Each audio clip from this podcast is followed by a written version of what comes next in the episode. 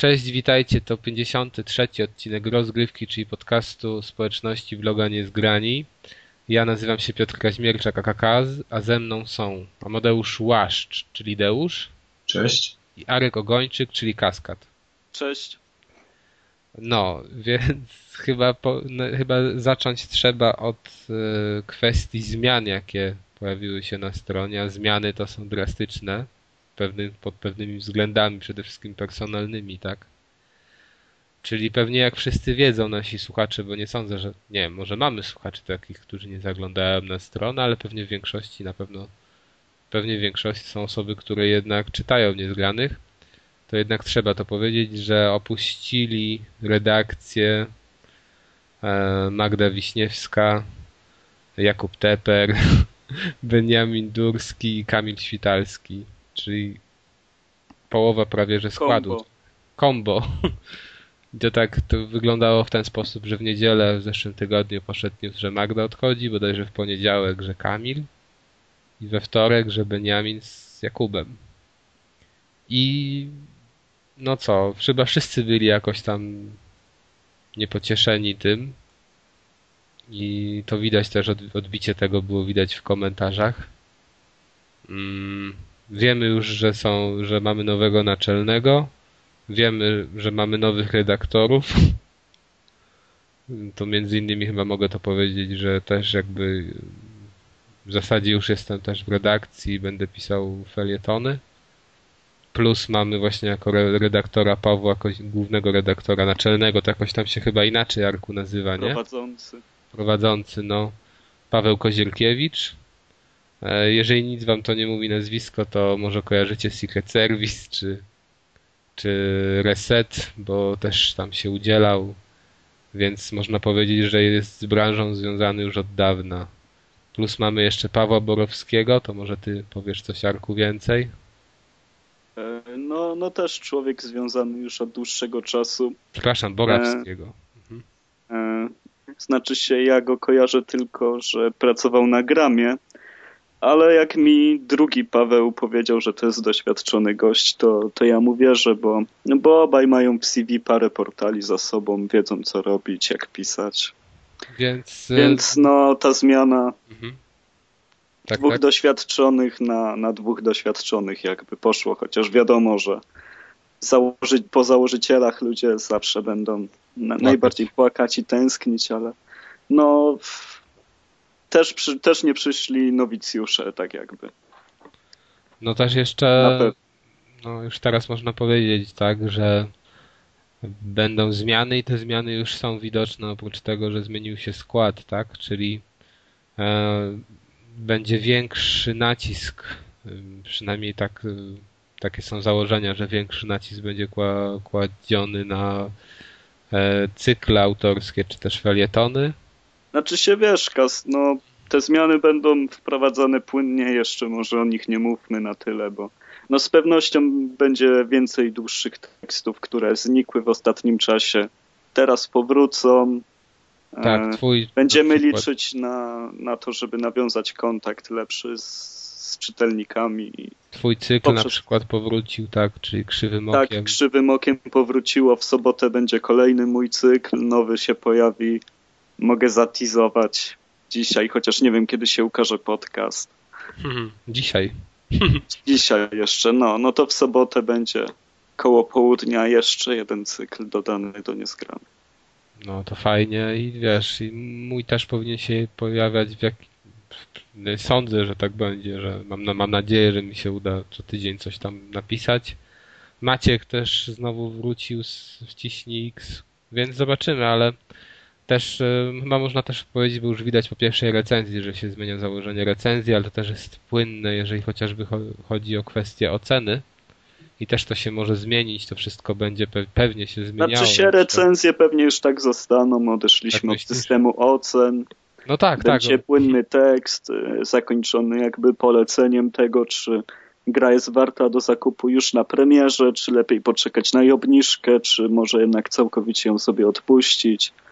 E, skala wydaje się dość skromna, ale myślę, że jeżeli konkretnie każdy się przyłoży i do napisania recenzji i każdy ją przeczyta, zanim zacznie pisać komentarz, to unikniemy nieporozumień i, i wszystko będzie wspaniale. A widzisz, trzeba było wprowadzić skalę, na przykład można, nie można i... Można, nie można, to jest tylko na podcasty skala. jest zarezerwowana już. Tak, już jest ze znakiem copyrighta mamy. Tak. tak. Grube pieniądze patentowe na to poszły. Oczywiście już y, ludzie chcą usuwać niektórzy, przynajmniej chyba dwóch takich się znalazło konta. Proszę o to. Gdzie powiem szczerze, na przykład ja nigdy nie usunąłem gdzieś z jakiegoś portalu z takiego względu konta. Zresztą w ogóle chyba nigdy nie prosiłem nawet o możliwość usunięcia konta. A to już jest, wiesz, to już jest taka histeria, jakby naprawdę to konto dawało jakiś tutaj władzę nad światem, że jest jeden więcej użytkownik zalogowany. Nie wiem.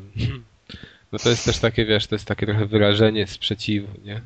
No ale to wydaje mi się, że też na takie oceny powinni ludzie poczekać trochę, żeby zobaczyć jak, w jakim to kierunku pójdzie, a no okej, okay, no ja, ja powiedzmy sobie szczerze, że rozumiem te reakcje, jakie się pojawiły, zwłaszcza pod wpisem e, Jakuba i Beniamina. Mhm. Ja po prostu miałem parę dni wcześniej już taką wiadomość, już się od nich dowiedziałem prywatnie, że odchodzą, więc miałem okazję się już to przerobić i jakby się nie włączałem za bardzo w to wszystko.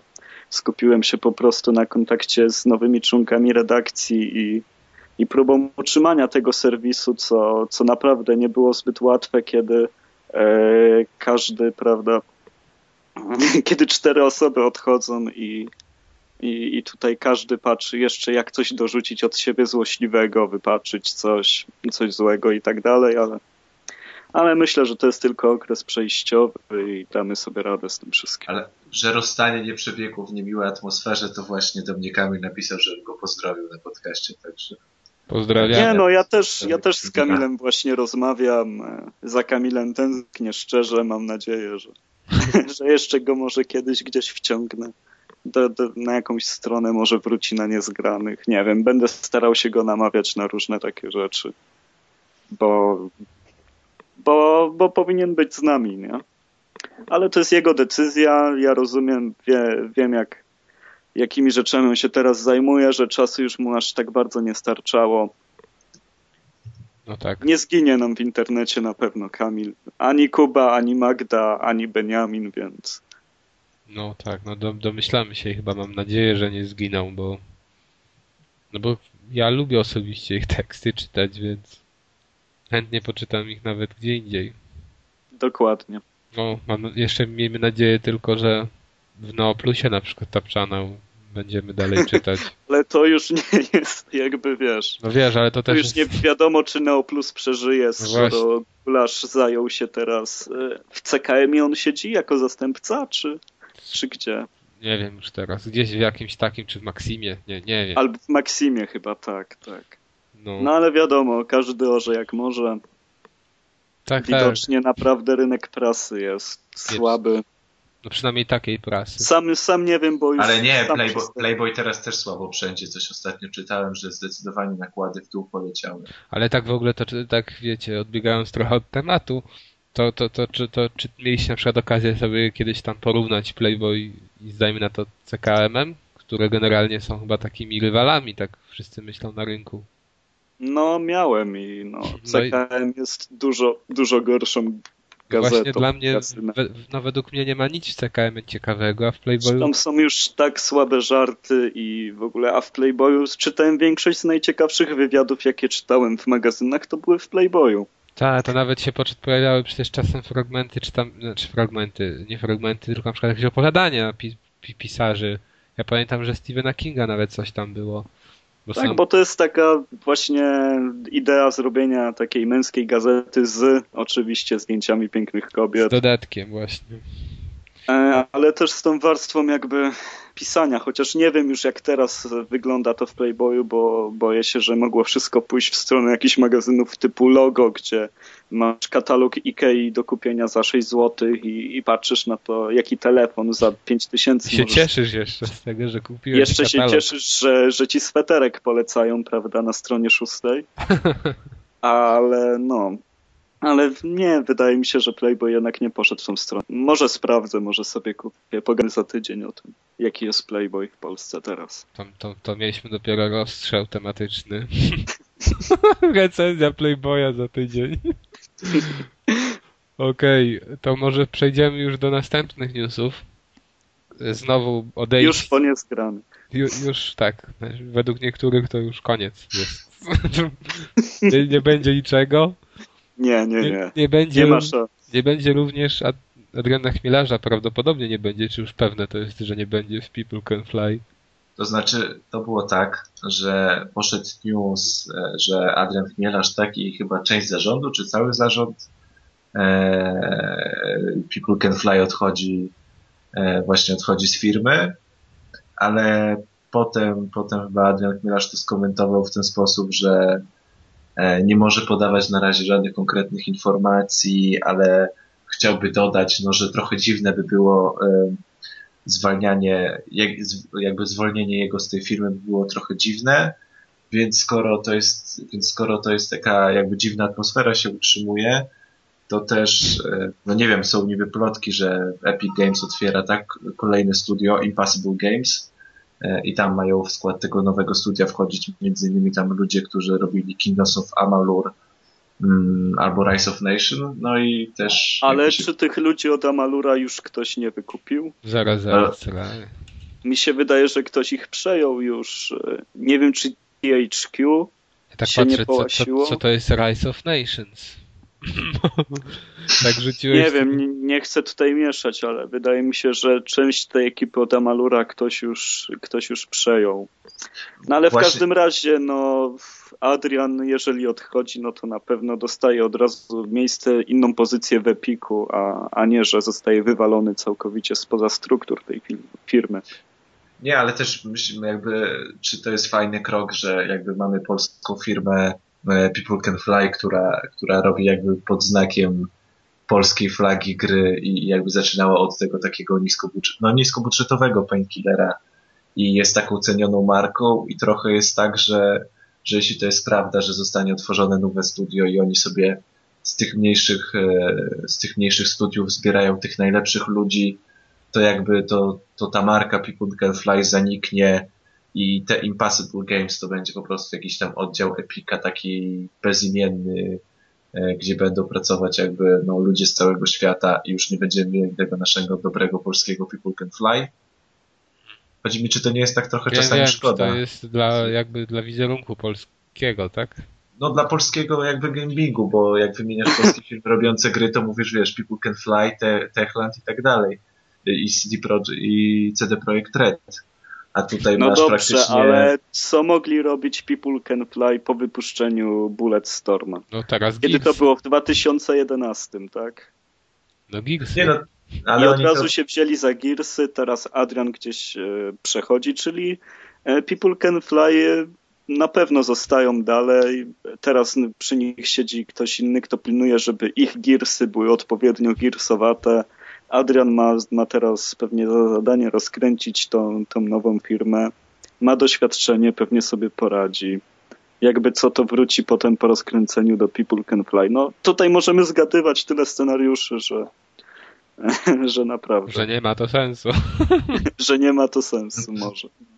No, ale to kontynuując... I tak wszyscy na świecie będą to kojarzyć z Epic i z, tym, z tymi ludźmi od Tak, tak, tak. To, tak nie ma sensu. No to kontynuując tradycję, nie będzie nie będzie w dzisiejszym podcaście, tak? To nie będzie prawdopodobnie również The Last Guardian. Przynajmniej. Tak, jest. To już chyba większość osób się z tym pogodziła, ale właśnie, właśnie tutaj Arek wynalazł nam informację, że Sony rezygnuje z znaku, z marki, tak? The Last Guardian w Stanach. Więc... Ja już widzę lament na niektórych forach, bo akurat sobie klikam. Aha. że no, no nie wiadomo, czy tutaj to pozbycie się marki oznacza zmianę tytułu, ale jeżeli zmieniają tytuł, to czemu pozbywają się marki? Nie mogli sobie zostawić. Tyle nazw zostaje przecież nieużytych w różnych firmach. No tak, ale to z drugiej ale... strony po co właśnie takie coś zmieniać tytuł? Ale po co, nie, po co zmieniać tytuł, ale po co rezygnować z marki? No właśnie. To no. takie dziwne, nie? Bo przecież można sobie zostawić ją. Chyba, że się okazało, że gra wyjdzie tylko w Japonii i będzie budżetowym tytułem na PlayStation Network. Oj, wydaje, wydaje mi się, że. Chyba, że, się, że wtedy, wtedy jeszcze by chyba bardziej zostali zjedzeni niż jakby. A, mo, a, może, a może to się teraz zmieniło w to Tokyo Jungle? Jungle, to co tam o. pamiętacie? Że tym pieskiem... Tokyo Jungle wygląda rewelacyjnie. Ostatnio oglądałem jakieś 45 minut gameplayu, jak ktoś takim małym pieskiem. Ale no widzisz, biegał. no to się powinien cieszyć, że teraz. Ale czy ja powiedziałem, że się nie cieszę, że Last Guardian nie ma? Ja jestem zachwycony. Cały, tyle lat go nie ma, że bym czuł się głupio, jakby nagle się pojawił. No, ale powiedz, powiedz w ogóle z tym Tokyo Jungle, tak w, to on wyszedł? Znaczy się to, czy już wyszło, to chyba w Japonii już wyszło. No, wiem, że to Bo widziałem po prostu gameplay na GameSpocie, że było grane na jakichś targach, a Tak, bo to chyba w zeszłym roku na E3 było grane. Ale, a w tym roku tego nie było? Na E3 chyba było. A to nie wiem, w zeszłym roku... W tym, w tym roku na pewno, ale no Tokyo Jungle mniejsza z tym, kiedy tutaj ginie projekt Team Ico, prawda? No właśnie. Ale no co z tego, kiedy już y, twórca Team Ico też już jestem na kontrakcie. Też na wylocie. No to dobrze, no to nie będzie The Last Guardian. Chyba każdy z nas by chciał, żeby w końcu ta gra no. powstała, no. bo... bo... ale, to ale... Ueda co teraz zrobi? Może będzie, wiesz... On będzie dalej... Ale to ja widzę, ale to ja widzę takie slogany e, nagłówków i newsów o tym, które mogą być zatytułowane to, e, jakby to koniec nadziei Nadzieja umiera na dobrą generację, albo ta generacja, tak, można pogrzebać już tą generację. No, albo nic, nic ciekawego ta generacja nie wniosła, bo nie pojawił się Last Guardian. Tak, tak, oczywiście. Ale zobaczcie, ale dzisiaj jednocześnie pojawiła się informacja, że Persona 5 będzie, e, jest tworzona, czyli nic nie jest straconego, wszystko Dokładnie. się zgadza w naturze. Ale jeszcze w ogóle to nie jest tak, się zgadza. że ona jest zapowiedziana na razie tylko na PS3? E, nie widziałem potwierdzenia żadnej platformy, no ale najprawdopodobniej chodzi tylko o sprzęt Sony. No to wiesz, no to znaczy Albo się... w Japonii tylko na PS3 wyjdzie, no, no nie To wiemy. może zrezygnowali z marki i The Last Guardian na Persona się Sprzedali nie pokazywali materiałów z The Last Guardian, nie pokazywali, więc pewnie nic A nie robili mieli. personę z Atlusem. No właśnie. Może z The Last Guardian zostało tylko, wiesz, szkice koncepcyjne. No to ja proponuję im sprzedać tak, jak Konami sprzedało tam nie wiem jak to powiedzieć, czy prawa do marki, czy, czy po prostu... O Konami to w ogóle się popisuje. Tak, Konami to się w ogóle... To też nie będzie czegoś od Konami. Czyli nie będzie łatki do Silent Hill HD Edition dla Xboxa 360, bo dla PS3 już jest albo będzie. Nie wiem już teraz do końca, bo jedne portale informują, że będzie, a inne, że już jest ta łatka. Poprawiająca jakieś tam bugi związane właśnie z tą edycją. Jakieś tam bugi, ta gra ledwo działała. No tak, jakieś tam bugi, ale nie wiadomo jakie, nie? Na przykład z tym, że to jest pewnie przez to, że patrzę na PlayStation 3, to wiesz, one mogą mieć 2 giga jak do Gran Turismo 5, a, jednak Xbox. Microsoft ogranicza to. Chyba, nie wiem, ściągałem mój największy patch, to był 40 mega na Xboxie 360 i to było do Earth Defense Force Insect Armageddon. Czyli też do japońskiej Wczoraj. I to było wczoraj. A tak to ściągałem same patche maksymalnie 12 megabajtów i a to są patche, tak samo są patchowane gry na PS3 i na Xboxa, a jednak te na Xboxa malutko zajmują. No to ja już nie wiem w takim razie, bo też No Konami kwestię, czegoś że... nie potrafi. No Na tak, pewno tam ktoś tak czegoś się, nie umie. Tak się tłumaczą, nie? Że to jakoś tam ma czasochłonne. Brak zasobów. Czy brak zasobów. Albo, albo po prostu sprawdzili i po prostu nikt nie kupił tej kolekcji. tak, na Xboxa. Nie ma dla kogo. się nie opłaca, tak samo jak e, Phil Fish dla jednego procenta graczy nie naprawi Feza, bo im się savey zepsuły też tak można, nie? No bo to wszystko związane z kosztami, bo żeby wypuścić patcha na konsolach, to trzeba zapłacić. I teraz jest pytanie, czy na przykład w Microsoftie nie trzeba więcej niż u Sony. No, za wypuszczenie. No dobrze, ale no też mają ludzi od testowania, też mają ludzi od sprawdzania wszystkiego i nagle ale, wypuszczają grę, której się nie da spaczować. Nie chcą ale, to, ale, to, ale to nie jest też jakieś takie... Y, no to a, mówię, to może kasa. A, a propos płacenia za, tych, za te patche, to też nie jest wcale taki głupi pomysł ze strony załóżmy Microsoftu, no bo Dlaczego? Y, jak, no bo, bo jak zmusza, zmuszają cię do zapłacenia za każdy patch, więc ty, żeby ograniczyć koszty, dostarczasz jakby jak najlepszy produkt. Tak, i właśnie to pokazało Konami, jak dostarcza jak najlepszy produkt. No ale Konami to jest, wiesz... To są tarkacze. więc to jest inaczej. Ale pierwszy patch jest za darmo w Microsoftie. Drugi to jest 40 tysięcy przez te procesy weryfikacyjne Microsoftu też, bo oni to wrzucają na swoje serwery, oni to trzymają na swoich serwerach, które oni utrzymują i przez to Xbox Live zajebiście działa. I to jest ta różnica.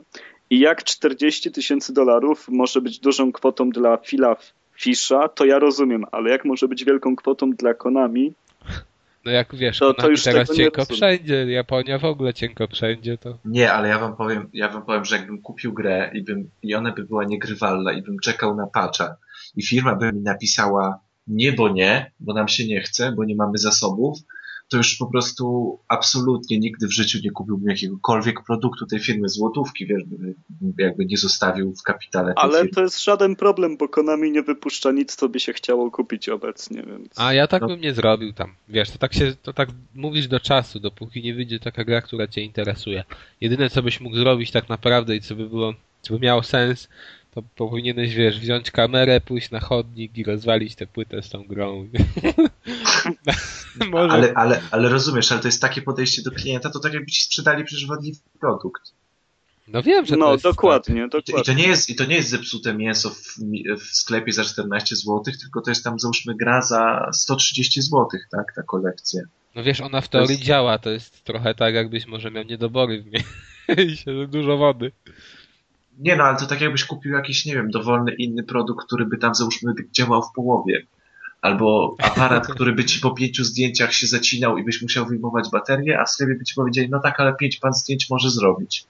No. no to jest w ogóle takie podejście do klienta, które jest, no nie wiem, według mnie to jest tak, nie, to jest tak w ogóle absurdalne. To jest straszne. Według mnie, jeżeli już by nie mieli wypuszczać tego patcha, to powinni siedzieć cicho, udawać, że zapomnieli o tym, tak, tak. a nie dawać oświadczenie, nie zrobimy tego, bo nie mamy zasobów i, i cokolwiek. Tylko już przemilczeć, niech sobie krzyczą ci, którzy mogą, a ci, którym się chce, a nie, że wielkie oświadczenie, że teraz właśnie pojawia się news właśnie na przykład na niezgranych i pewnie po portalach na całym świecie, że Konami oficjalnie nie naprawi gry. To już w ogóle wizerunkowo oni nie potrafią już e, nawet działać, więc to, ta firma, no, cienko, cienko. Dobrze, że Platinum Games robi następnego Metal Geara, bo Byłoby ale, jeszcze gorzej. Ale nie, no, no w ogóle to jest też trochę tak, że oni powinni w takim momencie, jeżeli wiedzą, że to nie, nie da, na przykład nie chcą, czy z jakiegoś powodu nie zrobią tego patcha na Xboxa, no to nie wypuszczać na PS3, bo faktycznie, gdyby tego nie było, to teraz wie, wszyscy by mówili, a dobra, do dupy wydali kolekcję i tyle. A w tym momencie to totalnie wyszli na idiotów. Więc to masz rację, że marketingowo to jest totalna żenada. A oni ci zrobią, wiesz, koniciła czy coś tam się podmienią. I przepraszam, no nawet pocztówki dostaniesz. No, no, no, i, tak. i tyle, nie? No i się ciesz. No. I, no i dobra, i też się cieszyć można, bo ludzie są jednak bogaci, ponieważ... To jest bogaty. Nie znam Ludzie. Takiego. Sfinansowali... Ja słyszałem, ja słyszałem, że podobno Kuzowaty jest bogaty. Tak. To i Solarz. I nie wiem, może oni też się dorzucili do, e, do projektu Oh Yeah, który zebrał na realizację 8,5 miliona dolarów. A tam skandal, całkowity skandal. A bodajże 900 tam ileś tysięcy, tak? To było ich założenie, że tyle muszą zebrać, żeby wydać te konsole. I teraz ciekawe, co oni zrobią na te 8,5 miliona. No ja nie wiem, ale to wcale nie jest tak dużo, bo tak naprawdę to... No ale wiesz co, jak, jak, jak ta konsola przecież, która powstanie, to w zasadzie ta technologia już jest znana, pewnie opracowana. Ważne, żeby to zamknąć w takim pudełku i pada do tego zrobić. Nie, no tak, ale do, do, dla nich to jest potrzebne jakby, żeby wyprodukować te konsole. Właśnie w fabryce, wiesz o co chodzi. Czy załóżmy wyprodukowanie tej konsoli kosztuje ileś tam dolarów i te 8,5 miliona poświęcą na wyprodukowanie iluś tam tysięcy sztuk tego. Tylko, że ostatnio się pojawił news, że tam online będzie działał, tak? Chyba OnLive i jeszcze coś tam wchodzi, jakaś... Kurde, ja nie śledzę tej OI, bo, bo i tak wiem, że to jest nie dla mnie, ale jeszcze jedna usługa taka bardzo, wszyscy... bardzo fajna wchodzi. Bo to, bo to generalnie chyba nikogo, kto ma tak naprawdę, kto jest graczem na co dzień, to to chyba nie interesuje. Ale fakt faktem, że to jest malutkie i to mi się podoba akurat. Że jak Ale pokazywali to... wielkość OUI, to, to fajna sprawa. Ale to wiesz, to jest taka wielkość i gabaryty zbliżone do, załóżmy, do tablet, do, no nie wiem, do komórki.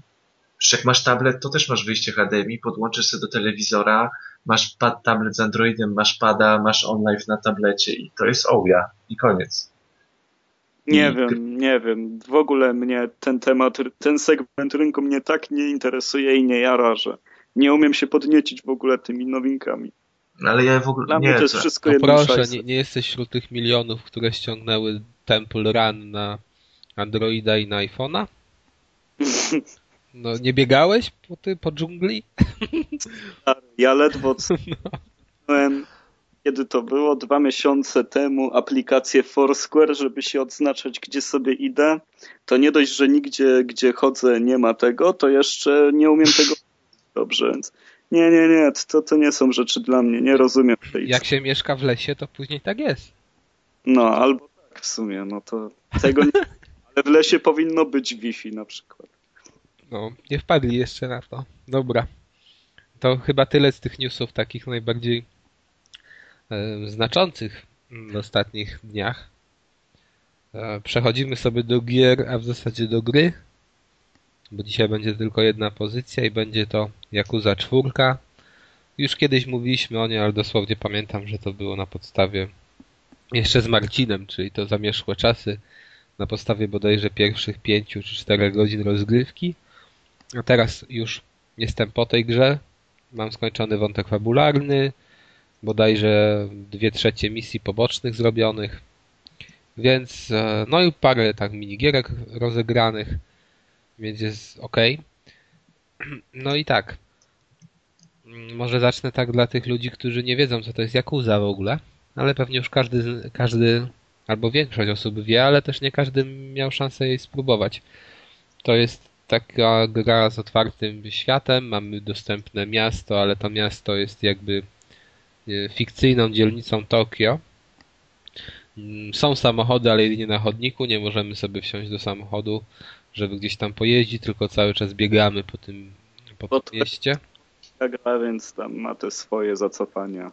No tak, tak, ale w ogóle ona jest e, pod tym względem no wiesz, Wiadomo, i urok, ale trzeba też zaznaczyć, że większość tego uroku polega na jej zacofaniu też. Akurat w takich kwestiach niepełnym voice actingu. Znaczy to nie jest urok, bo moim zdaniem to są wady, że jest na przykład niepełny voice acting. Nie? No, moim zdaniem też, ale jak ja się z kimś kłócę o to, to najczęściej słyszę, że taki jest urok, więc już to na mnie tak przeszło i... i już... to, to jak taki urok czarownicy albo coś tak na ciebie przeszło. W takim razie. Ale no bo to jest oczywiście nieprawda, nie? Jedyna, jedyna zaleta tego, że nie ma voice actingu, to jest taka, że czasem trzeba przeklikiwać dużo tego tam, tych czytadeł, a w rozmowach na przykład z przechodniami, których ciągle oklepujemy, to jest trochę nudne, tak? Bo, znaczy to, to, to słuchanie, słuchanie dialogu byłoby nudne, bo te dialogi akurat są słabe. Więc można je szybko przeklikać i już się brać do bitki. I w tym, w tym aspekcie to można upatrywać jako zaletę, ale w żadnym innym nie. No ale to tam mniejsza z tym, już nie od tego chciałem zaczynać. Czyli to jest w zasadzie, można sobie wyobrazić takie GTA bez samochodów z masą dostępnych miejsc, e, w których, do których można wejść, z masą sklepów, z masą jakichś tam form rozrywki.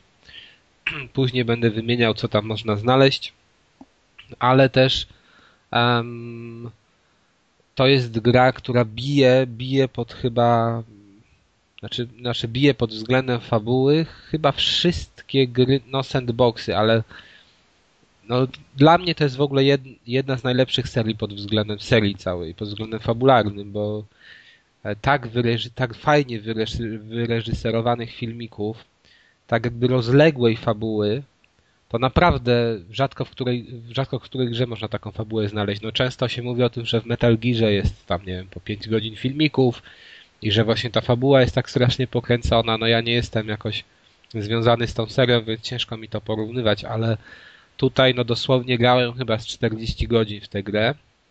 Na pewno 40 godzin. I, i tak na oko, jakbym miał policzyć, to, to może z 5-4 godziny zajmowały filmiki. Więc to jest naprawdę dużo i z tego można by nakręcić w ogóle z całej tej serii, ale można by nakręcić niezły serial. Z tym, że to by był serial taki trochę jak brazylijska telenowela w japońskim świecie no mafii. Sama, prawda, w garnitury, wielkie bary szerokie i dużo postaci. No tak, ale tam wiesz, tam masz takie akcje, że jak ktoś ginie, to nie masz pewności, czy on ginie, bo zaraz może wrócić w następnej części gry, bo coś się okazało, że upadł nie na głowę, tylko na bark i tak w zasadzie zleciał z tego, z tej przepaści, ale mu się udało jakoś tam wykaraskać. A to się okazuje, że widzisz jakiegoś kolesia, który jest sobowtórym innego kolesia. A to się okazuje, że, że, ta, że na przykład twoja siostra to to nie jest twoja siostra, tylko przyrodnia siostra. I, I tam są takie, takie po prostu cyrki, że się w pale nie mieści. I też... Pamiętniki z wakacji. Tak. Ej, pamiętniki z wakacji są bardzo dobrym, e, bardzo dobrym serialem do oglądania w nocy. Ale już nie będzie w przyszłym sezonie, pamiętam. Tak, wiem. Polsa zrezygnował. Dobrze. Nie... Ale tak upraszczając trochę, wydaje mi się, że gdyby z Jakuzy zrobili serial, czy też film paroodcinkowy i puścili u nas w telewizji, to na pewno ludzie by to kupili bo y, ona jest pokręcona fabularnie, mocno pokręcona, ale przy tym jest bardzo taka dramatyczna i e, no po prostu ogólnie mówiąc fajna, tak, że się to ogląda z mega zaciekawieniem i cały czas się zastanawiasz, jak to się skończy, a tym bardziej tutaj w czwórce, bo w czwórce w porównaniu do poprzednich części Jakuzy gramy czterema bohaterami i widzimy historię z czterech perspektyw. Oczywiście one wszystkie się łączą w, zasadniczym punkcie e, i to jest też, wiecie, że tam dochodzimy do jedną postacią do końca jej ścieżki i, i mamy pełno pytań, tak? Dochodzimy drugą postacią do końca tej drugiej postaci ścieżki i tak samo mamy pełno pytań.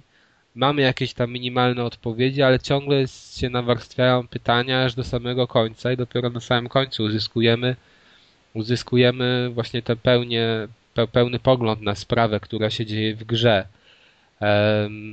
I tutaj jest no, rywalizacja między e, rodzinami w Jakuzie, między stopniami tam w tej organizacji. E, jedni biją drugich, później się okazuje, że ci zbici wstępują pod e, ramiona tej rodziny, z którą walczyli. Później zwalczają tę rodzinę i tam są takie, takie cyrki, że się w pale nie mieści jak grałem w trójkę, no to pamiętam, że grałem kiedyś w jedynkę, ale nigdy jej nie skończyłem. W dwójkę już nie miałem przyjemności. No to w trójce nic nie, nie pamiętałem z tej fabuły jedynki, a, a z dwójki to już w ogóle. Więc musiałem sobie przypominać na podstawie tych filmików, które są zawarte na płycie. Podobnie w czwórce jest, że mamy filmiki streszczające fabułę z poprzednich części. I pamiętam, że jak obejrzałem te filmiki w trójce, to ja i tak nic nie wiedziałem. Tam tylko mniej więcej coś tu się działo. Musiałem szukać po Wikipediach, po jakichś e, stronach e, takich, e, które opisywały wydarzenia w tej grze, żeby w ogóle tam rozkminić, kto jest kim.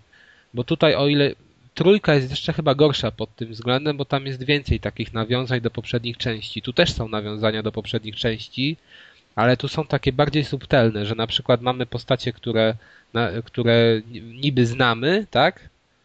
Ale nie wiemy dlaczego je znamy i skąd je znamy i, i, i jaką one rolę odegrały w przeszłości, ale ym, i tak możemy sobie z tego poradzić. Jeszcze tak, już odbiegając od skomplikowania fabuły, jakie zadania tam najczęściej wykonujesz? Tam się najczęściej bijesz, tak? No tak, tak, no dobra, no tylko dokończę, że ta fabuła dla mnie jest po prostu świetna i wzruszająca i emocjonująca, więc dlatego warto to Jakuzy zgłębić, nawet jeżeli ktoś nie lubi japońszczyzny, to powinien być pod tym względem zadowolony.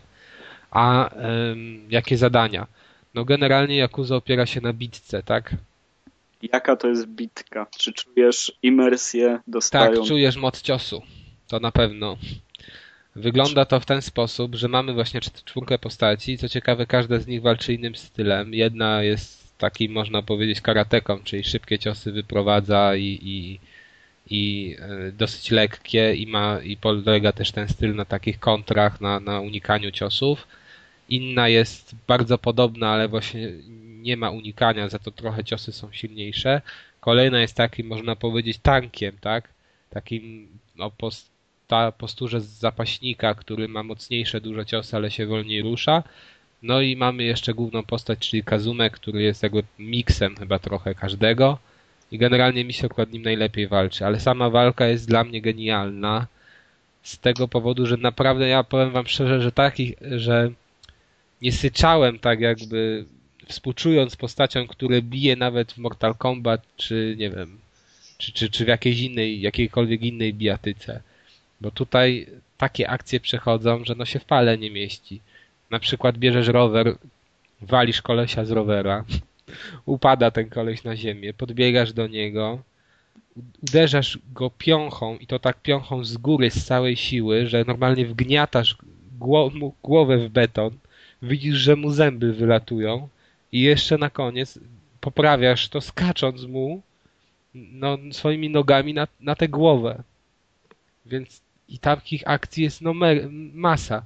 Jeżeli trzymasz broń, bo tam wszędzie leżą, walają się bronie, można z nich korzystać. Jeżeli chwytasz za broń, powiedzmy za baseballa, to najpierw walisz w nogi kolesia, bo tam jest, polega walka generalnie na tym, że mamy ciosy słabsze, ciosy silniejsze i możemy chwytać inne postacie i wszystkie ciosy, które wykonujemy ładują nam specjalny pasek. Jeżeli go naładujemy, to możemy wykonać właśnie akcję specjalną typu z tym baseballem, czyli chwytamy baseball, który gdzieś tam leży, mamy pasek napełniony, naciskamy e, trójkąt i zaczyna się akcja i wygląda właśnie to tak, że najpierw z tego baseballa nasza postać wali w nogi, kiedy przeciwnik upada, to my robimy zamach, dokładnie jakbyś widział zamach e, w, na meczu w baseballa i prosto w głowę, nie?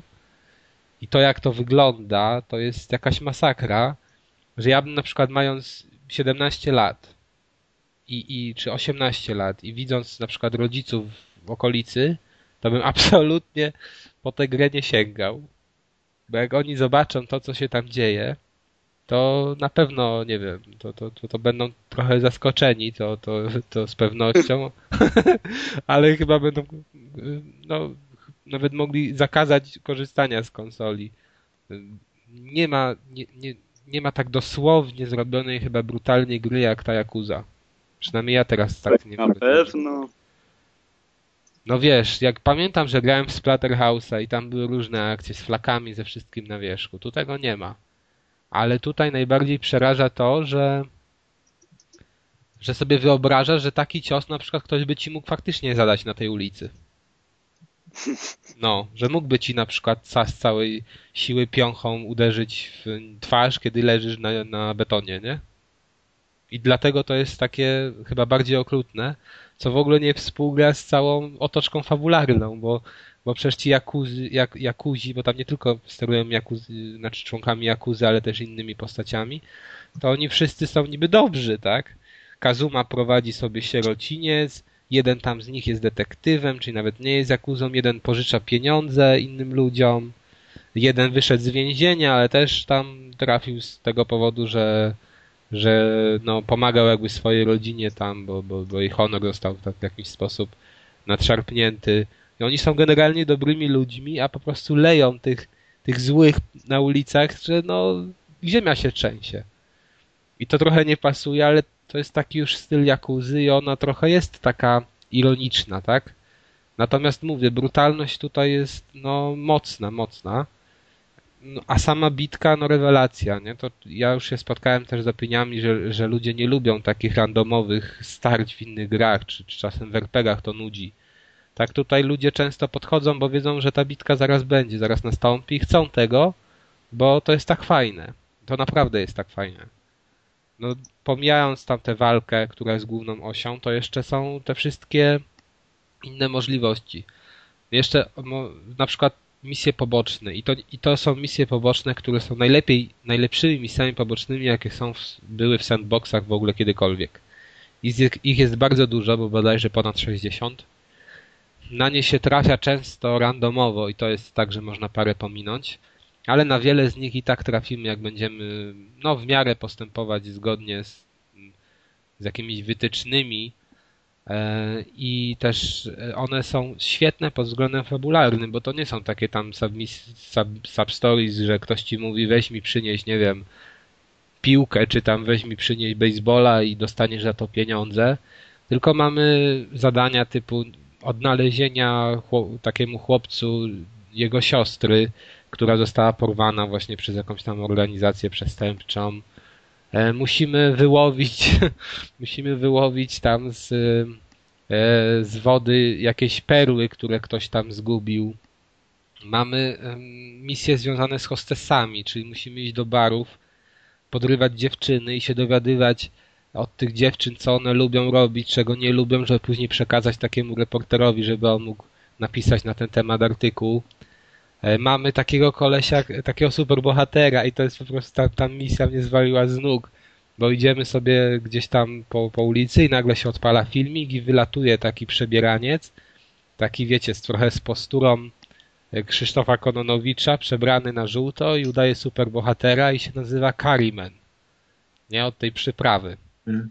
No i, i, i e, w pewnym momencie nam pomaga i w innym momencie widzimy, że tylko tam zbiry biją i chce mu pomóc, ale on mówi nam, że nie, nie, nie, że nie chcemy, nie chcę twojej pomocy, tylko idź tam kup mi kary i jak mi kupisz kary, ja to zjem, to wtedy odzyskam siły i sobie dam radę.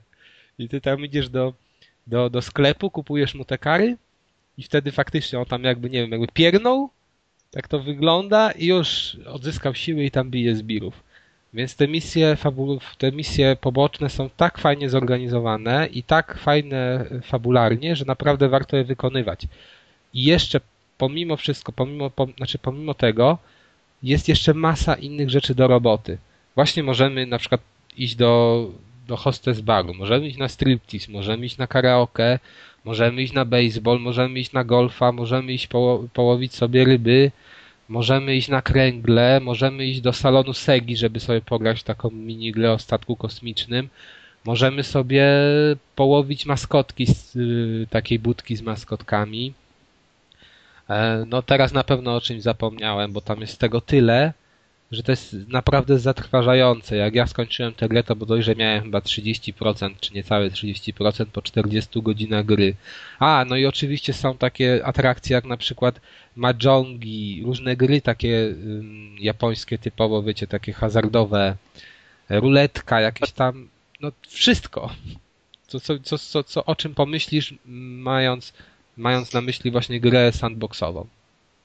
To jest niewyobrażalne. Ja tam nie, ja nawet wszystkich miejsc tam nie zwiedziłem.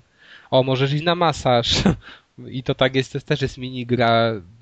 No wiadomo, że to jest proste generalnie, ale fajne. Jest ping-pong i w ten ping-pong zawsze grasz z laską, która jest ubrana w kimono i jak uderzasz jej dobrze, dobrze tę piłkę, to jej się zsuwa tak to kimono, że wiesz, że tak piersi trochę odsłania i ona się jeszcze cieszy, że ty takie mocne ciosy walisz i tak serduszka jedno koła wyskakują. Co za zgorszenie, to na pewno nie dla siedemnastolatków. no na... Co by mi wrzucili, połamali płytę, schowali pilota, spuścili w ale są na przykład walki w podziemnym koloseum. Jesteś nie... trenerem, musisz wychować zawodników i to wygląda w ten sposób. Boże. To co? Jeszcze Fight Club w środku. No, Boże. ale wiesz, ale najlepsze, Najlepsze w tym jest to, że nie tylko trenujesz pod tym względem, że dobierasz kolesiowi na przykład odpowiedni trening i robisz z nim sparingi, ale musisz na przykład z nim wyjść na piwo, żeby sobie pogadać. I tam słyszysz jego historię, że na przykład on walczy dlatego, żeby poderwać jakąś tam dziewczynę i takie inne i tam podnosi morale, jak ty go tam zmotywujesz odpowiednim tekstem. Fajna, zarobista była misja, gdy podszedł do, podeszło do mnie dwóch kolesi i zapytało się, czy nie mogę z nimi iść na potrójną randkę bo tam jednego kolesia stracili, a się umówili z trzema dziewczynami, a taki, a ten tutaj jeden z tych dwóch chłopaków chce poderwać taką laskę. No to ty idziesz na tę randkę i oni ci wcześniej mówią, co ta laska, co ta laska lubi i ty musisz pod jej gusta na przykład się dopasować na tej randce, żeby ona polubiła e, tam jakiegoś z tych chłopaków. No to są takie, takie cyrki, że, że się w pale nie mieści. E, więc ta gra jest tak bogata, że można w nią grać naprawdę powyżej 100 godzin. Tam jest tyle atrakcji, których nie ma nigdzie indziej. E, przy tym jest zarąbista fabuła. No ale jej wadą jest właśnie to, że to jest gra, tak jak ty mówiłeś, Arku, że ona jest taka trochę nie dzisiejsza pod względem technicznym. E, jeżeli chodzi o grafikę, to jest jeszcze ok, ale no to chociażby to przewijanie tekstu jest niezbyt fajne. Niezbyt fajne jest to, że nie wszystkie, nie wszystkie nawet te filmiki są w pełni znaczy nie są pełne, to znaczy, że mamy na przykład dwie minuty filmiku i zaraz mamy minutę przeklikiwania i dopiero znowu się uruchamia filmik. No ale nie ma się czemu dziwić, jeżeli bierze się pod uwagę to, że ta gra zarabia na siebie przy sprzedaży dużo niższej niż bodajże milion egzemplarzy musi na siebie zarobić. To gdyby to wszystko mieli robić tak właśnie fajnie filmowo, to, to, to by im budżet na pewno ostro skoczył do góry, niekoniecznie by na siebie zarobili. No jest oczywiście voice acting japoński, podpisy angielskie i, i też świetnie wypadają ci aktorzy. Nie wiem, nie wiem jak ktoś nie lubiący Japonii miałby w tę grę nie zagrać. Nie wyobrażam sobie tego. To jest idealna gra dla kogoś, kto lubi Japonię, ale to jest też idealna gra, gra dla kogoś, kto lubi historię w, no w naszej, tutaj w, w grach, tak? Bo tak rozbudowanej historii, ciekawej fabuły to naprawdę ze świecą szukać. Więc no nic innego nie mogę powiedzieć jak to, żeby, że, że, że tę grę polecam i że ją trzeba nabyć.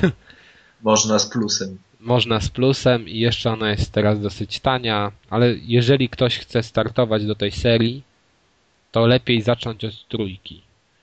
A jeszcze będzie edycja HD 1 i 2. No, ale nie wiemy, czy ona będzie w, u nas.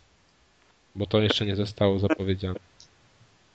Tylko, tylko dla Japonii w tym roku. Że, I też w tym roku wyjdzie piąta część tej gry, która ma być rewolucyjna, ma być nowy silnik i w ogóle. Ale póki co warto się skupić na tych dwóch, które wyszły. I generalnie wydaje mi się, że trójka jest lepszym wyborem z tego względu, że na początku w trójce mamy, mamy dwa miasta, z czego pierwsze jest dużo mniejsze i łatwiej je ogarnąć dla kogoś nowego, który nie miał, kto nie miał styczności z tą serią. Natomiast w czwórce od razu jesteśmy rzucani na głęboką wodę. I to jest o tyle gorsze dla nowicjusza. A trójka też ma znakomitą fabułę, więc no, no nic tylko grać. Nic tylko grać. Tak. No ale... Deusz, tak? I, nie, bo ja się, zastan ja się zastanawiałem, czy tak na pewno to jest aby gra dla każdego. Czy jak ktoś, wiesz, no. nie jest gra sobie w Call of Duty i, i tego typu no gry to, leje przy tym. Przy Wiesz, tak, ta gra nie jest dla każdego, to z pewnością. Ona jest, e, ja sądzę, że pod względem, wiesz, tam fabuły czy czegoś, to ona powinna się większości osób spodobać, ale... Trzeba lubić bijatyki i otwarty świat. Nie, to tak też nie do końca. Ja tam nie jestem super jakiś fanem, wiesz, sandboxów, mega fanem, czasem tam lubię, a tutaj jest to świetnie zorganizowane, ale no trzeba przymknąć oko na te wszystkie takie rzeczy, które świadczą o tym, że ta gra nie jest, no że ona jest jakby między generacjami, tak? Że to, że to nie jest Red Redemption, gdzie masz wszystko udźwiękowione i wszystko na tacy podane i, i ci wskaźnik mówi, gdzie masz dojść i, i ten, i masz yy, zapisane jak się ruszać, co trzeba robić w danym momencie i takie inne rzeczy. Tutaj większość rzeczy się odkrywa samemu, na przykład takie takie podstawy sterowania, czy podstawy systemu związanego na przykład z tymi misjami pobocznymi, to wszystko trzeba samemu odkryć. I to na pewno nie wszyscy będą to chcieli zrobić. Też grafika nie jest y, idealna, nie? Na przykład te modele postaci i ich poruszanie nie jest za fajne. Więc to też niektórych odstraszy. Niewidzialne ściany też się pojawiają, tak?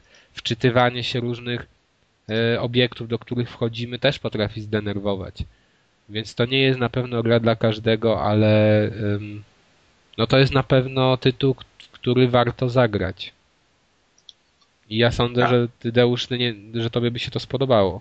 Nie, no to ja wiem, to ja jestem ja już jestem zachęcony e, po, po kilku słowach e, tych, co ty mówiłeś, no. Ale niestety to jest ekskluzyw na PS3. Ale możliwe, że, że jeszcze nie, raczej nie możliwe. I, i nadrobię. Nie, A, mi chodzi myślałem, nie, że, że no, no. ale że jeszcze będę miał okazję nadrobić w tej generacji. Nikt tak. ci nie sprzeda konsoli Deusz. Właśnie. Dobra. To teraz przechodzimy do kącika kulturalnego i zaczniemy sobie od książki.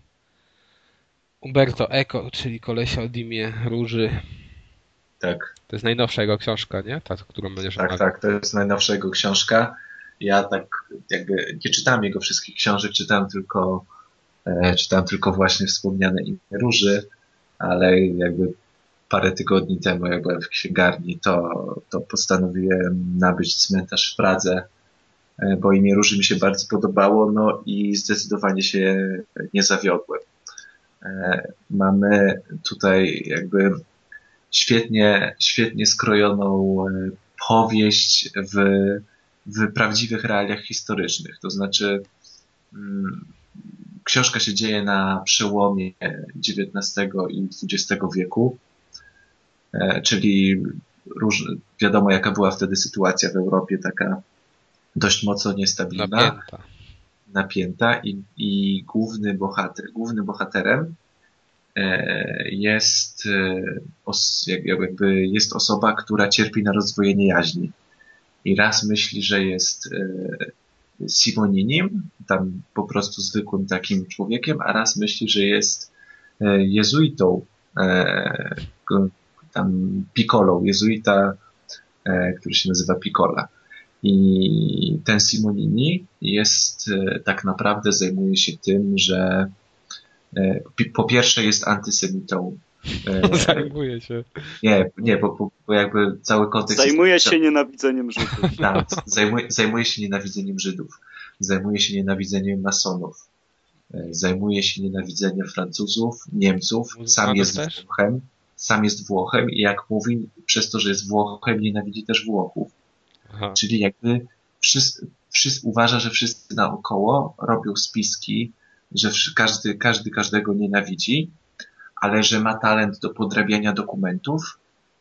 Jego losy się toczą tak, że najpierw podrabia te dokumenty, zostaje szpiegiem, trochę w różnych częściach Europy się obraca. I to, co, to, co właśnie Umberto Eco zrobił fajnego, to że, tak jak sam pisze, każda postać w tej książce i każde wydarzenie w tej książce jakby jest wydarzeniem historycznym, nie jest zmyślonym. Natomiast zmyślony jest główny bohater. Czyli te normalne wydarzenia, jakie się działy w Europie w tamtym czasie, Umberto Eco jakby wplata, że ich pomysłodawcą i takim kołem zamachowym był właśnie ten wy, wyimaginowany bohater. No, no. I, to się super, I to się super czyta, bo jakby te wydarzenia naprawdę były, a tego bohatera nie było. Ale to się tak klei, te powiązania, to co robi ten Simonini w tej książce, jak podrabia, jak spiskuje, jak działa na różnych frontach, to świetnie się wpasowuje i aż ciężko uwierzyć, że ta postać nie istnieje, że to naprawdę tak nie było. Czyli mamy tutaj jakby taką e, powieść, no, można powiedzieć szpiegowsko-kryminalno-historyczną. E, mamy ten temat, wiadomo, antysemityzmu i ten cmentarz w Pradze, można powiedzieć, że on bardzo mocno nawiązuje, nie chcę powiedzieć jak, ale mocno nawiązuje do historii tych protokołów mędrców Syjonu czyli tego takiego dokumentu, który, dokumentu, no, tej publikacji, która jakby inspirowała Hitlera do napisania tak Mein Kampf, e, czyli tego takiego niby spisku Żydów. I, i, I to naprawdę warto przeczytać. Czasami może się trochę, jak ktoś nie lubi historii, to są przydługie opisy tego, co się działo, inspiracji historycznej, sytuacji w Europie, ale też tu autor pisze, że ma nadzieję, tak autor pisze dosłownie do czytelnika, że ma nadzieję, że, że ta cała przykrywka historyczna jakby nie znudzi czytelnika i będzie się można delektować tylko i wyłącznie tą częścią taką e, kryminalno-szpiegowską. Ja ze swojej strony to myślę, że naprawdę jedna z fajniejszych książek, które ostatnio przeczytałem, bo, bo jest właśnie taka inteligentna, bo jak jak jakby znasz ten kontekst i, i wiesz, że to nie jest taka zwykła opowieść wymyślona w głowie, tylko, tylko ta osoba została włożona w prawdziwe wydarzenia historyczne, to jest, to jest, to, to się naprawdę świetnie czyta, a poza tym to jest świetna postać, bo to jest właśnie szpieg, który, no, który wie, wiecie, wszędzie widzi spiski, wszędzie widzi Żydów. Tak naprawdę, tak naprawdę nie spotkał jakiegoś Żyda, ale strasznie by chciał, żeby żeby oni opanowali świat, bo on uważa, że oni opanują świat. I, i, tutaj wszędzie, i nie tylko on, bo właśnie wiadomo było, jakie wtedy były nastroje w Europie, więc wszyscy jego mocodawcy, pracodawcy uważają tak samo. Mm, poza tym jest cały rozdział, w którym poznajemy jakby głównego bohatera, jest poświęcony, jest kilka stron wymienionych y, tego, dlaczego bohater nienawidzi innych nacji.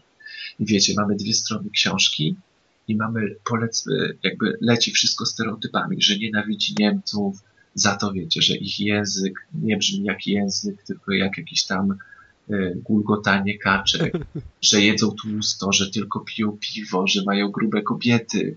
To samo jest o Włochach, o Francuzach i wiecie, mamy kilka stron takich typowych europejskich stereotypów. Czysty jak hejt. Tak, jak my myślimy. I jak w tak, internecie. I to, się tak, I to się tak czyta, o Jezu, w ogóle jak można tak, jak można tak w ogóle uważać, ale tak naprawdę jakby się zastanowić, to wszyscy tak uważamy. Więc no naprawdę to jest fajna, inteligentna taka książka i, i ja polecam. A to jest długie w ogóle? To jest długie, bo to ma ponad 500 stron.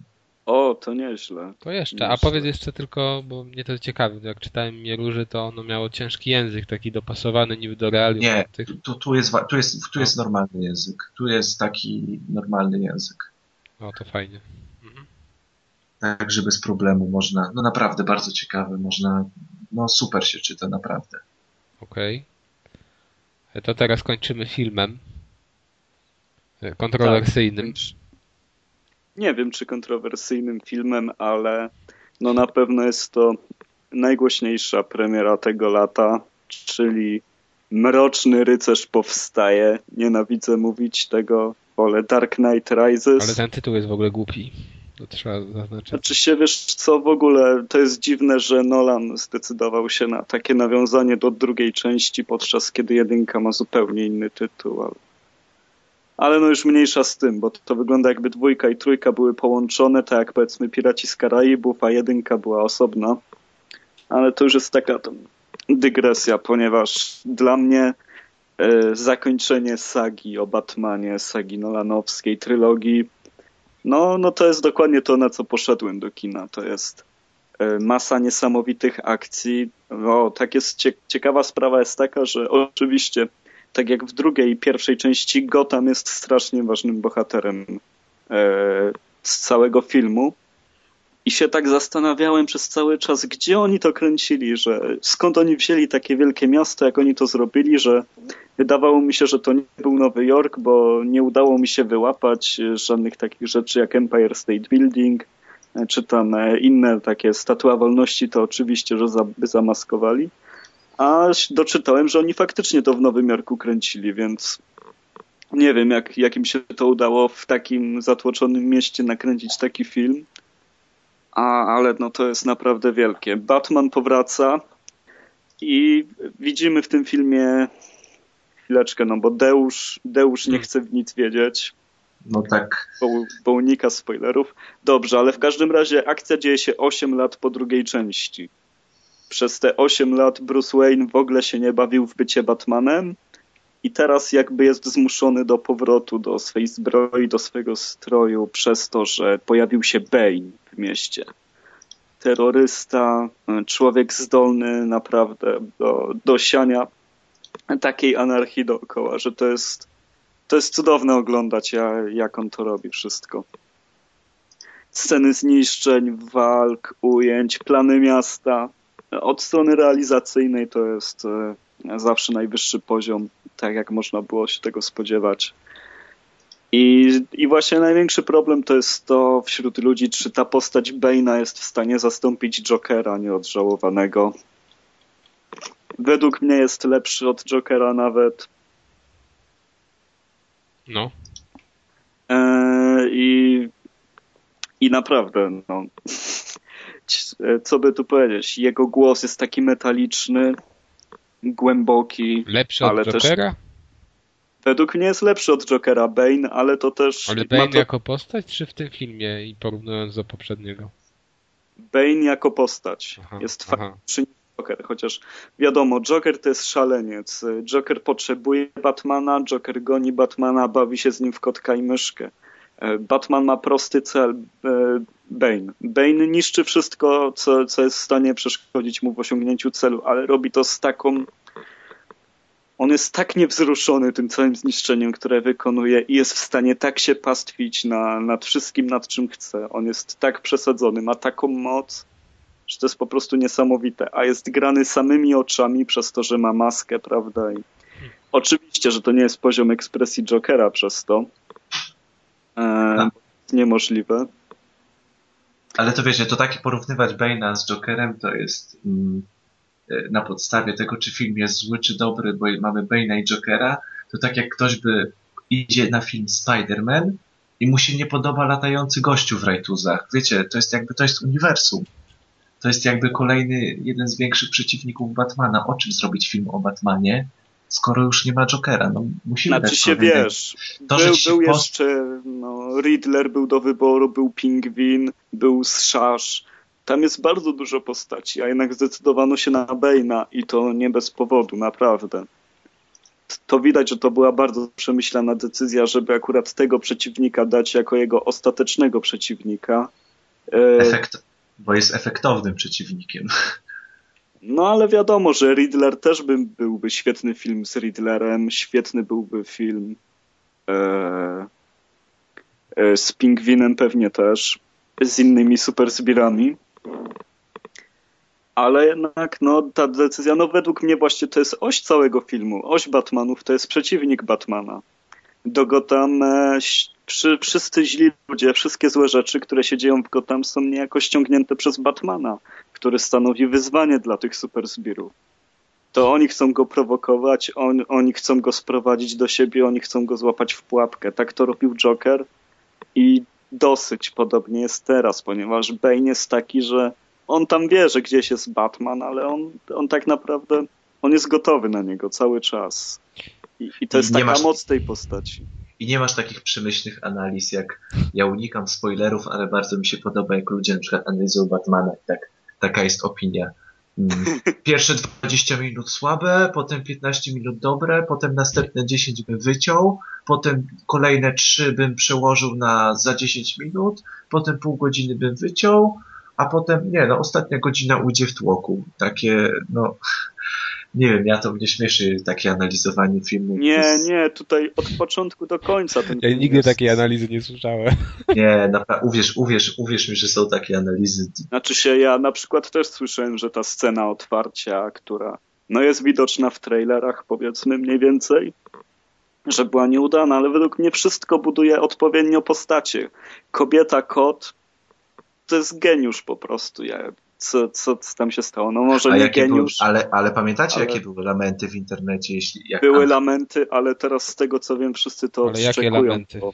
Że Anne no, Hathaway dostała rolę, czyli nieseksowna. A, e, że źle wygląda w ogóle w tych, na tych zdjęciach, które przeciekły, że nie te stroje i tak dalej. A, ale w ogóle, że nie ta aktorka. A to naprawdę popisała się, popisała się niesamowicie. Ale jest dobra, tak, bo tak o tym mówisz w filmie, na przykład mnie najbardziej zastanawia, chociaż wydaje mi się, że znam już odpowiedź na to pytanie. Czy ten film znacząco się różni od tych poprzednich Nolanowskich pod względem klimatu? To znaczy dla mnie e, te Batmany nowe to są wybitnie niekomiksowe. Z tego względu, że to wszystko jest ubrane w takie ramy rzeczywistości, jak gdyby faktycznie mógł ten Batman się gdzieś zdarzyć. I to mi się strasznie nie podobało znaczy, Nolana. Znaczy się, wiesz co, ja, ja aż tak tego nie widzę, ponieważ dla mnie Batman zawsze był tym jednym z bardziej realistycznych postaci komiksowych. To zawsze był facet w stroju, nie był Iron Manem super zbroi, nie ugryzł go pająk, kurwa, no nie wiem, nie spadł z innej planety na Ziemię. E, to był zwykły człowiek, prawda? I i miał potężnych przeciwników i zawsze to wyglądało inaczej w Batmanach. Zawsze korzystał z gadżetów. E, dla mnie to jest idealne właśnie bo takie Tak, ale na przykład spójrz sobie jak, wiesz, bo powiedzmy, że ty tak odbierasz Batmana jako postać, ale to w takim razie można powiedzieć, że te filmy poprzednie, tak, te, te Bartona, to tak na, na cie, dla ciebie nie były, no wiesz, to jakoś super, no bo właśnie one pokazywały A tak... czemu? No tam też Bajkowego Batmana, takiego wie. No ale to co, jakby inne podejście tylko do, jakby no, do reżyserii, to nie znaczy, że ci można... Ale to nie jest to inne znaczy... podejście do reżyserii, to jest inne podejście w ogóle do postaci, inne podejście... Niekoniecznie, no tamten Batman też jakoś nie był super bohaterem. Tak, takim, tak, tak, tak, ale... Nie wiadomo co. Mi nie chodzi o, do postaci jako Batmana, tylko ogólnie do tych postaci. Że one są bardziej kary karykaturalne, na przykład przeciwnicy, przeciwnicy no. Batmana, no. nie? Że... Ale i tak to było, Barton to bardzo w realiach osadzał takiego gotyckiego Tak, tak, ale wiesz, masz to Gotham i to Gotham to ci się jawi jako właśnie takie gotyckie ze snu miasto, takie ciemne, mroczne, a w Batmanie Nolanowskim to dla mnie Gotham wygląda po prostu jak... To jest metropolia. Tak, to właśnie, jest Nowy Jork. Jak zwykłe przeciętne miasto, gdzieś tam coś. No i, i to do nie, nie trafia. Tak samo jak na przykład, nie wiem, że, mia, że koleś ma że jest usprawiedliwiony skąd ma Batmobil, że od wojska, że ten Batmobil tak czołg wygląda, że jeździ po ścianach. No mnie to totalnie nie, nie kupuje tego. Zupełnie. To jest według mnie lepsze przedstawienie niż y, pojawienie się nagle wszystkiego znikąd. Wszystkie gadżety ma, bo ma. Ale to, lata. To, jest, ale to jest właśnie odarcie tego Batmana, według mnie, wiesz, z tej jego mistyczności. Tylko podanie wszystko na tacy, że to by się mogło naprawdę w, w świecie rzeczywistym zdarzyć. I to jest... No okej. Okay Myśl... Ale, ale, mi się wydaje, mi się wydaje, bo ja, ja mam w ogóle inne podejście, bo mi się oba, jakby mi się oba, ob, oba Batmany podobały, i Bartona, i Nolana, ale tylko z tego względu, że ja nie mam jakiejś e, wizji tego, jak ja bym to widział w przeniesieniu na ekran, tylko jak widzę film, jak widzę Nolana, to ja się nie zastanawiam z tego, że on uzasadnił to, że właśnie, że ten Batman jest taki bardzo osadzony, że on tłumaczy Batmana z tego, że ten Batman jest Batmanem i wiecie, i nosi gacie na, i nosi strój z uszami, nie? I gacie na rajtuzy.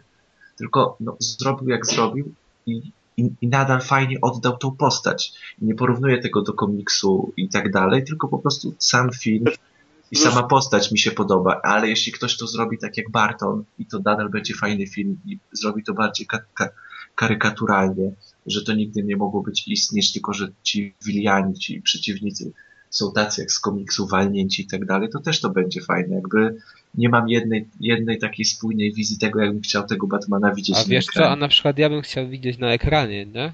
Powiedzmy, mhm. że coś w klimacie nowych gier z Batmanem. Czy Arkham, Arkham Asylum na przykład. Czy... O nie. Ale dlaczego nie? Właśnie to jest taki klimat, to jest taki Joker, jakiego ja chcę. To jest właśnie taki Batman, jakiego ja chcę. I to jest mega komiksowa postać tym. Ja bym chciał dobrego animowanego Batmana zobaczyć. No widziałem, no, by, widziałeś, przecież był w latach 90. dobry animowany Batman. Dobry nie, no był tak. Batman Beyond. To też był tak dobry. Filmem to by było genialne, gdyby następna trylogia była Beyond Batmanem. To już będzie chyba jeszcze bardziej za ten, wiesz, jeszcze bardziej kosztowne by chyba było. No ale to... Ale no wracając do, do tego, bo wybiłem się z rytmu, chodzi o Bane'a, to to jest też to, że jego gra Tom Hardy.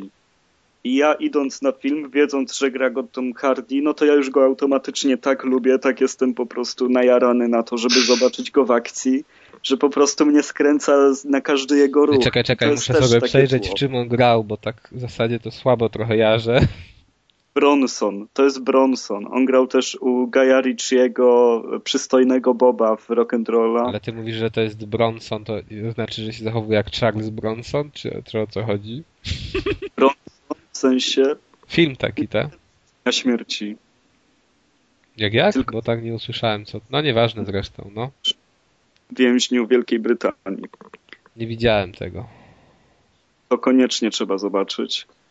No i on tam też gra takiego wielkiego gościa, który wszystko rozwiązuje siłą, ma wielkie wąsy i się tylko uśmiecha. I tutaj jest jeszcze pozbawiony tych wąsów, ma demoniczną maskę i, i po prostu no, no całym sobą zabiera ten film w momentach, kiedy tylko się pokazuje. Jest godnym przeciwnikiem na pewno. Poza tym Albert, rola Alberta jest według mnie naprawdę pokazuje coś nowego dzięki temu nowe podejście. Jego relacja z Bruce'em Wayne'em jest fajnie rozbudowana, chociaż krótka to jednak naświetla fajnie to, co się między nimi dzieje. E, jest dużo więcej właśnie Bruce'a. Sam Batman się pokazuje. Dość mało czasu spędza na ekranie. Nie wiem, czy może z tych prawie trzech godzin filmu, czy widzimy Batmana przez pół godziny. To jest taki, to, to jest taki film naprawdę bardzo mocno e, i realistyczny, ale też zrobiony z rozmachem, zrobiony na tą walkę właśnie dobra i zła, ale też Brusa jako człowieka i Bane'a jako człowieka, więc... Polecić trzeba. Polecić trzeba, chociaż rozumiem, że ludzie za, zarzucają niekonsekwencje, bo jest tam dużo uproszczeń w pewnych momentach.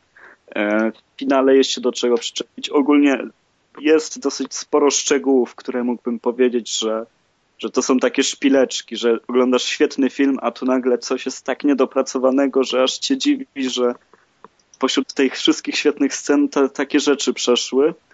Ale no takie rzeczy muszą przechodzić pewnie, kiedy się bierze za takie przedsięwzięcie. ale nie psują one aż tak bardzo odbioru. No, pewnie to jest lepsza część od dwójki. No, aż tak jeszcze nie jestem tego pewny, ale Bane mi się bardziej niż Joker podobał, bo, bo jest takim facetem właśnie silnym, potężnym, który jest w stanie stawić czoło Batmanowi, a, a nie tym Jokerem, który, e, który chce po prostu niszczyć świat, chce, żeby wszystko płonęło, jest szalony. Bo ja jednak, mam swoje... No, no. no. Bo widząc Jokera, to wiem, że kiedy Batman go dorwie sam na sam, to on go zniszczy. A widząc Bane'a, to wiem, że nawet kiedy zostaną sami w dwójkę, to nie wiadomo, kto wyjdzie z tego cało. To jest ta różnica między tymi dwoma postaciami, która tak mnie jakby porusza. Ja mam swoje bilety na poniedziałek. Nie wiem, ty Piotrek, idziesz kiedy? Czy tam masz w planach w ogóle? Ja w telewizji jak poleci chyba.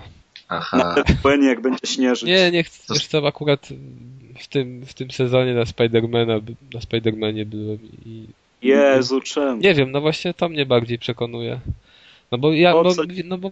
historia jak wujek Benu miał. Ale, no tak, ale słuchaj, no wiesz, ja lubię Spidermana chyba bardziej jako postać, to jedna rzecz, a drugie, że no mnie te Nolanowskie nie przekonały za bardzo, więc uważam, że nie, no pewnie gdybym miał jakąś okazję, to bym poszedł, ale specjalnie teraz. Nie sądzę. Pewnie kiedyś w przyszłości. A Avengersów widzieliście? E, mówiliśmy ja o nich. tak? tak, mówiliśmy. Ty no mówiłeś. To... Ja mówiłem. Mhm. Ja to też jest, mówiłem. Mi się wydaje, że to właśnie Arek ty mówiłeś. Już też nie wiem, kto mówił, bo jednak Avengersi to jest taki zawód dla mnie, że już... Tak, ale... no to chyba ty mówiłeś o tych Avengersach. Ale nie, nie wiem, czy widzieliście, ale Marvel ostatnio też zapowiedział, bo i będzie Thor 2 i... Avengersi 2 też. Avengersi 2, ale i będzie e, Człowiek Mrówka. Oj, dużo tam o będzie. Jezus. Z tego, co patrzyłem, naprawdę. Oni ostro idą w tych superbohaterów. No. Przed Batmanem się zobaczy trailer e, Człowieka ze Stali. O. Będzie w przyszłym roku, reżyserem będzie Zack Snyder. Tylko, o Jezus, nie! Ale tylko no mam i... nadzieję, że nie będzie takiej klapy jak poprzednio, że Superman na Ojomie wyląduje.